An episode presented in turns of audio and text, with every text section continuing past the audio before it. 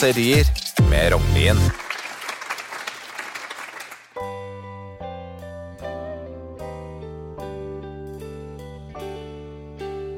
Halla! Ja, det er sånn vi preker her nede. Østfold er landets lille, stygge andunge, men som aldri blomstret ut i en svanes prakt. Et fylke som er stolt av arbeiderklasse, Staysman, gatebilløper, Rune Rudberg og Raimond vil alltid bli sett ned på av Holmenkollåsen. Da seirende svenske krigsherrer forlangte å få den norske skjærgårdsidyllen nord for Gøteborg i 1658, hadde ikke danskekongen Fredrik sterke kort på hånda. Men i siste sekund prøvde han seg på en finte. Han sa til svenskekongen at han kunne akseptere at Sverige overtok det norske Bohuslen, men på én betingelse. De måtte ta Østfold også. Så dum var ikke Carl Gustav, og siden den tid har ikke Norge klart å kvitte seg med oss. Stakkars innbyggere i Asker og Bærum, de visste ikke sin arme råd da Viken ble etablert, og de ble vår formynder. Snart er vi 300 000 østfoldinger, også kalt trygdeklienter. Det var likevel ikke det de var mest bekymret for. I Østfold preker det milde rart, sjø. Det de rike Akershus kommune fryktet mest av alt, var med andre ord astronomiske kostnader til logopeder.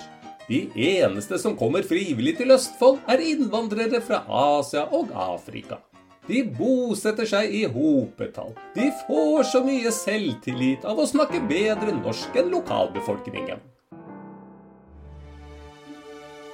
Nei, det er ikke bare bare å være østfolding, sett ned på av alle.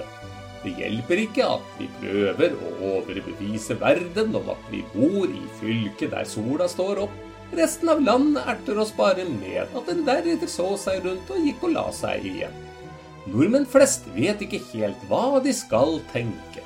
De ser jo at vi er både snille og velmenende, bare litt enfoldige. Vi vekker omsorg rett og slett fordi folk har så innmari vondt av oss. Det blir litt som med de herreløse, skabbete bikkjene som vinner konkurransen verdens styggeste hund. Alle tenker først at det vil være til deres eget beste med avlivning, men så synes de så synd på dem, får seg ikke til å gjøre det, og tar seg av dem allikevel. Den norske reiselivsnæringa klager bestandig over at det ikke kommer nok turister til landet. Er det rart, da? Det første som møter europeeren som kommer over Svinesund, er jo folk fra Halden og Sarpsborg. I den første rundkjøringen han finner, er han på full fart nedover svenskekysten igjen. Det er derfor staten bygde Norges flotteste motorvei i rett linje gjennom fylket og økte kilometergrensen til 110. Her gjaldt det å få besøkende fram til Akershus før de rakk å angre. Men vi østfoldinger gir oss ikke uten et sverdslag. For å holde på turistene har vi satsa på regional matkultur. Andre steder kan kommuner friste med lokale spesialiteter av typen rakfisk, reinsdyrspølse, fanaost og glofottorsk. Mossingene har funnet på pølse i vaffel. Putt litt syltetøy på toppen, så ser du østfoldingene slikke seg tilfredse om munnen. Det eneste vi spiser mer av enn pølse i vaffel, er lykkepiller. Men ikke i disse dager, for nå skal Østfold igjen reise seg fra asken, og vi kan vinke farvel med langfingeren til det forhatte Viken.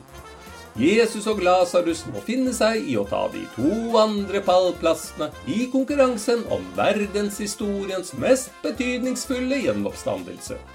Da vil igjen Hvaler bare bli våres, i hvert fall på papiret, for der er det så fint at ingen av oss har råd til å ha hytte. Så når vi virkelig skal ha det hyggelig, da drar vi i stedet til butikkene på Svinesund. Der kan vi få billig røk, halvlitterær piller og illegalt fyrverkeri. Aldri så gæli at det endte er godt for noe. Det var umulig å få østfoldingen til å benytte seg av Rygge lufthavn og billige reiser til Italia, Hellas og Spania.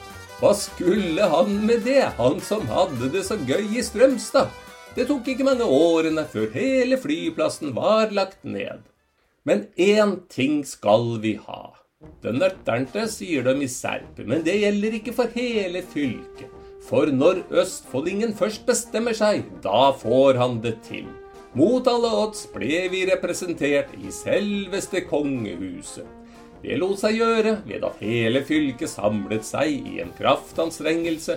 Vi kravla ut fra Nav-kontorer, krisesentre, frisklivssentraler og bingolokaler.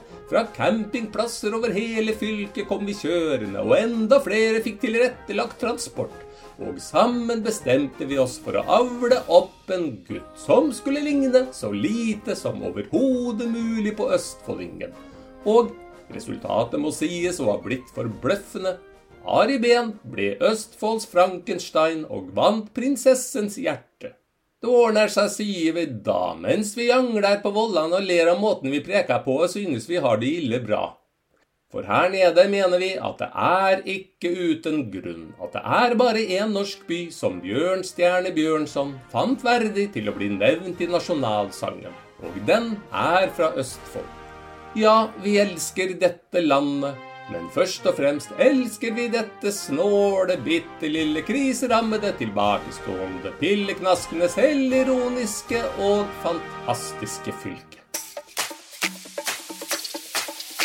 Har lyttet til Kuriøse kåserier